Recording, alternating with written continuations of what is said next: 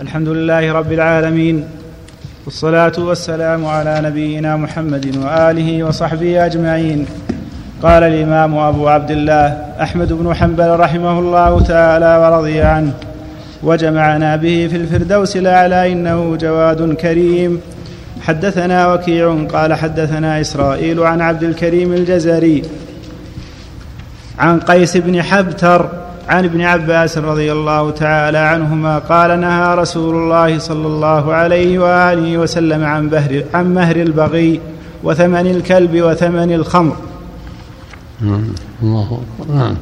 وحدثنا وكيع قال حدثنا شعبة عن الحكم عن يحيى بن الجزار عن صهيب عن ابن عباس رضي الله تعالى عنهما قال كان النبي صلى الله عليه وآله وسلم يصلي. فجاءت جاريتان من بني عبد المطلب حتى أخذتا بركبتيه ففرع بينهما. حدثنا حدثنا وكيع قال حدثنا شعبة عن الحكم عن يحيى بن الجزار عن صهيب عن ابن عباس رضي الله تعالى عنه. عن يحيى بن الجزار عن عن, يح عن يحيى بن الجزار عن صهيب نعم. عن ابن عباس رضي الله تعالى عنهما قال كان النبي صلى الله عليه وآله وسلم يصلي فجاءت جاريتان من بني عبد المطلب حتى أخذتا بركبتيه ففرع بينهما. قال الحشي. أحسن الله إليه قال إسناده صحيح ويحيى بن الجزار تابعي ثقة. سمع عليا رضي الله تعالى عنه سمع عليا كما قلنا فيما تقدم وروي أيضا عن ابن عباس. وروى. وروى أيضا عن ابن عباس ولكنه روى هنا عنه بواسطة. ولكنه روى عنه هنا بواسطة. إيه. وصهيب هو أبو الصهباء مولى ابن عباس وهو ثقة وثقه أبو زرعة. وصهيب وصهيب, وصهيب هو أبو الصهباء إيه. مولى ابن عباس وهو ثقة وثقه أبو زرعة وذكره ابن حبان في الثقات. ماشي. وفي التهذيب أن النسائي ضعفة. ولكني لم أجد لم أجد ذكره في كتاب الضعفاء. نعم. فرع بينهما لأن لأنهم ما مر قابلا هذا ما هو مرور. المرور هو اللي فيه يقطع صلاة المرء. وهذا ليس بمرور. نعم. أحسن الله يكون زيادة في التعليق. نعم. يقول قال ابن حجر مقبول وأخرجه ابن خزيمة وابن حبان من طريق منصور عن الحكم بهذا الإسناد. من هذا؟ هذه طبعة أخرى أحسن الله. المسند؟ إي نعم. حقت الجامعة؟ إي نعم. زيادة الجامعة. إيش عندك؟ ذكر إسناده حسن ورجاله ثقات رجال الصحيح غير صهيب وهو أبو الصهباء البكري. فقد روى له أبو داود والنسائي وله ذكر في صحيح مسلم من حديث داود عن أبي نضرة عن أبي سعيد في الصرف ووثقه أبو زرعة والعجلي وابن حبان نعم وقال نعم. النسائي نعم. نعم. أحسن حدثنا وكيع وابن جعفر المعنى قال حدثنا شعبة عن المغيرة بن النعمان عن سعيد بن جبير عن ابن عباس رضي الله تعالى عنهما قال قام فينا رسول الله صلى الله عليه وآله وسلم بموعظة فقال إنكم محشورون إلى الله تعالى حفاة عراة غرلا كما بدأنا أول خلق نعيده وعدا علينا إنا كنا فاعلين. فأول الخلائق يكسى إبراهيم خليل الرحمن عز وجل. قال ثم يؤخذ بقوم منكم ذات الشمال. قال ابن جعفر وإنه سيجاء برجال من أمتي فيؤخذ بهم ذات الشمال. فأقول يا رب أصحابي قال فيقال لي إنك لا تدري ما أحدثوا بعدك. لم يزالوا مرتدين على أعقابهم مذ, فارقتهم. فأقول كما قال العبد الصالح وكنت عليهم شهيدا ما دمت فيهم. إلى إلى قوله تعالى إنك أنت العزيز الحكيم. الله لا حول ولا قوة نعم. حدثنا وكيع عن سفيان عن منصور عن ذر بن عبد الله الهمداني عن عبد الله بن شداد عن ابن عباس رضي الله عنهما قال جاء رجل إلى النبي صلى الله عليه وآله وسلم فقال يا رسول الله إني أحدث نفسي بالشيء لأن أخر من السماء أحب, أحب إلي من أن أتكلم به. قال فقال النبي صلى الله عليه وآله وسلم الله أكبر الله أكبر الله أكبر. الحمد لله الذي رد كيده إلى الوسوسة. وهذا يدل على أن الإنسان إذا وقع له مثال يستعيذ بالله من الشيطان. فإن الإنسان قد يقع في قلبه أشياء من الشكوك والأوهام من الشيطان. ولهذا لما قال الصحابي إنه لا يجد في نفسه ما لا, ما لا يخر من السماء أهون من أن ينطق به. قال الحمد لله رد كيده الوسوسة وفي الصحيح أنه صلى الله قال لهم إذا وجد أحدهم فيقول فليقول آمنت بالله ورسوله. وليستعذ بالله ولينتهي. فالإنسان قد يقع على وساوس في علو الله في رحمة الله في عدل الله في الجنة في النار في غير هذا هذا كله من كيد الشيطان. فإذا وجد هذا فليقول آمنت بالله ورسوله أعوذ بالله من الشيطان الرجيم ولينتهي. نعم. أحسن الله إليك. حدثنا وكيع عن سفيان عن سماك عن عكرمة عن ابن عباس رضي الله تعالى عنهما قال قال رسول الله صلى الله عليه وآله وسلم إذا اختلفتم في الطريق فاجعلوه سبع أذرع ومن بنى بناء فليدعمه حائط جاره. نعم. إيش؟ عن ابي إذا اختلف الطريق نعم. إذا اختلفتم في الطريق فاجعلوه سبع أذرع نعم. ومن بنى بناء فليدعمه فليدعمه حائط جاره. نعم. حدثنا وكيع عن المسعود أي سند؟ حدثنا. حدثنا وكيع عن سفيان عن سماك عن عكرمة عن ابن عباس. عن سفيان بعده عن سماك أحسن عن عكرمة. عن سفيان عن؟ عن سماك عن عكرمة. عن ابن عباس. عن؟ عن سماك عن عكرمة عن ابن عباس. عن سفيان عن؟ عن سماك. سماك أحسن الله سماك؟ نعم. إي نعم. طيب. إيش المحشي؟ أحسن الله إليك. قال إسناده صحيح ونسبه في المنتقى لابن ماجه. وابن ماجه إنما رواه إنما رواه حديثين. الأول لا يمنع أحدكم جاره أن يغرز خشبته على جداره. رواه من طريق ابن لهيعة عن أبي الأسود عن عكرمة عن ابن عباس.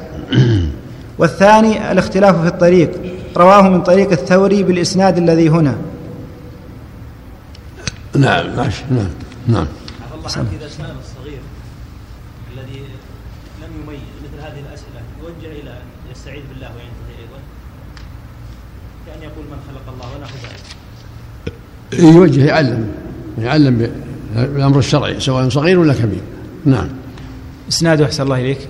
نعم لا بأس به. نعم نعم, نعم. حدثنا وكيع عن المسعودي عن الحكم عن مقسم عن ابن عباس رضي الله تعالى عنهما أن النبي صلى الله عليه وآله وسلم لما أفاض من عرفة تسارع قوم فقال امتدوا وسدوا ليس البر بإيضاع الخيل ولا الركاب.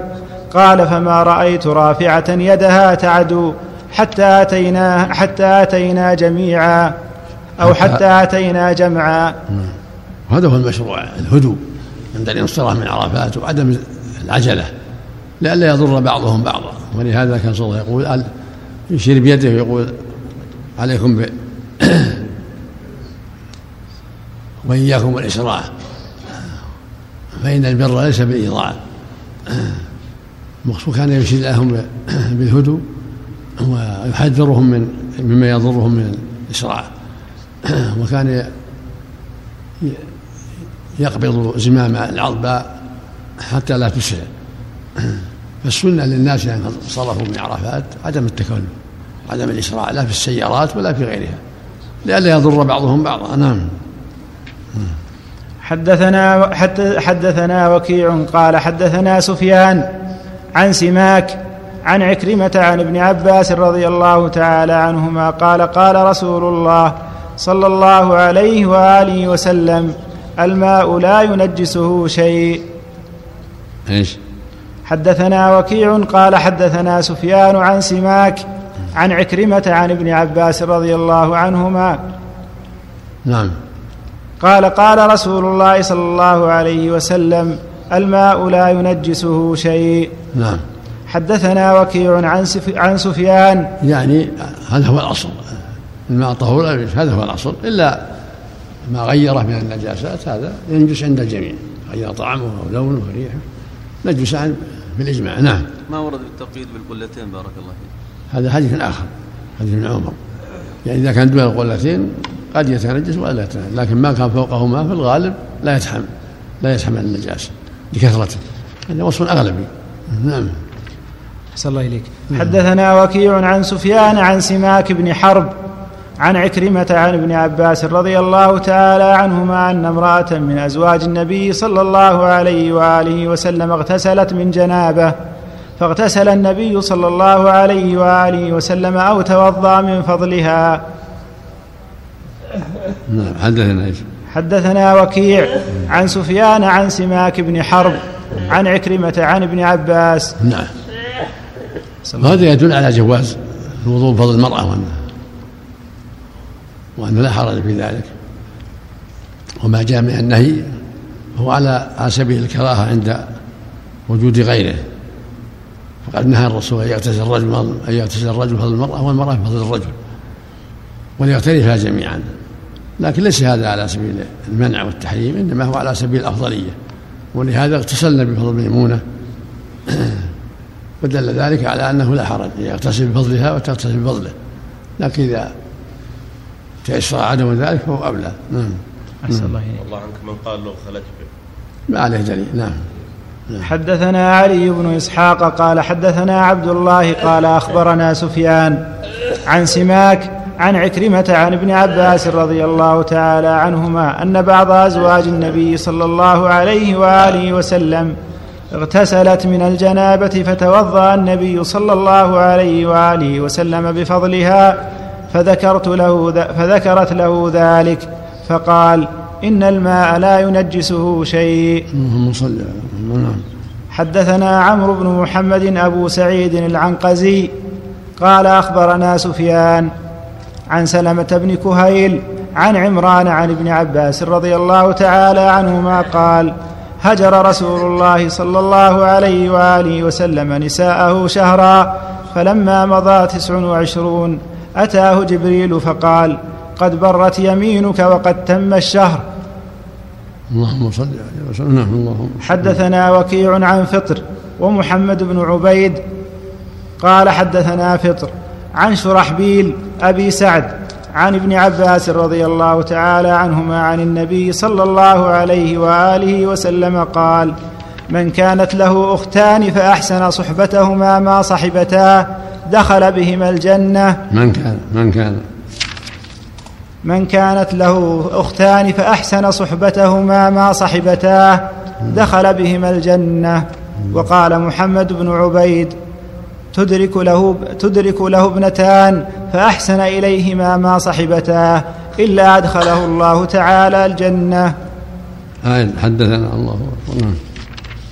حدثنا وكيع عن فطر ومحمد بن عبيد قال حدثنا فطر عن شرحبيل عن شرحبيل أبي سعد عن أبي عن ابن عباس رضي الله تعالى عنهما عن النبي صلى الله عليه وسلم.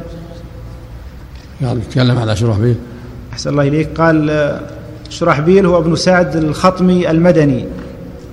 وثقه ابن معين في رواية وضعفه في أخرى. وذكره ابن حبان في الثقات وأخرج له هو وابن خزيمة في صحيحيهما. وفي التقريب صدوق. اختلط بآخره وذلك أنه عاش حتى جاوز مئة سنة ومات سنة ثلاث وعشرين ومائة قال ابن سعد كان شيخا قديما روى عن زيد بن ثابت وأبي هريرة وأبي سعيد الخدري رضي الله عنهم وعامة أصحاب رسول الله صلى الله عليه وسلم. وبقي إلى آخر الزمان حتى اختلط واحتاج حاجة شديدة وله أحاديث وليس يحتج به. وفي التهذيب وقال ابن المديني لكن لكن له شواهد. من كان له ابنتان فاحسن الا كن له شخصا من النار. فالمقصود إن المشروع للمؤمن إذا كان عنده أخوات أو بنات أو قريبات أن يحسن إليهن وأن إحسانه إليهن من أسباب دخول الجنة. ولا سيما إذا كن إذا كنا ضعيفات عاجزات فالحاصل أن الواجب على القريب أن يحسن إلى أقربائه. وأن يصل رحمه فإذا أحسن إلى بناته أو أخواته ورفق بهن فلا هذا فهذا من أسباب دخول الجنة والنجاة من النار. نعم. أحسن الله إليك. سواء كنا صغارا أم كبار. نعم ولو كبارا. أحسن الله إليك. نعم. حدثنا ب... نعم. بالنسبة للحديث السابق صيام الكفارات هل يعتبر شهر قمري أو 30 يوم؟ بالعدد بالعدد. إلا إذا ثبت القمر لا بأس. إذا ثبت البينات كما قد يقع في الشهور التي حول بعد رمضان وبين رمضان من الحجة قد يثبت بالبينة يكتفى به وإلا فالأصل ثلاثين. 30 يوم نعم هذا الأصل نعم. أحسن الله إليك. حدثنا بشر بن السري قال حدثنا سفيان عن ابن أبي نجيح عن أبيه عن ابن عباس رضي الله تعالى عنهما قال ما قاتل رسول الله صلى الله عليه وسلم.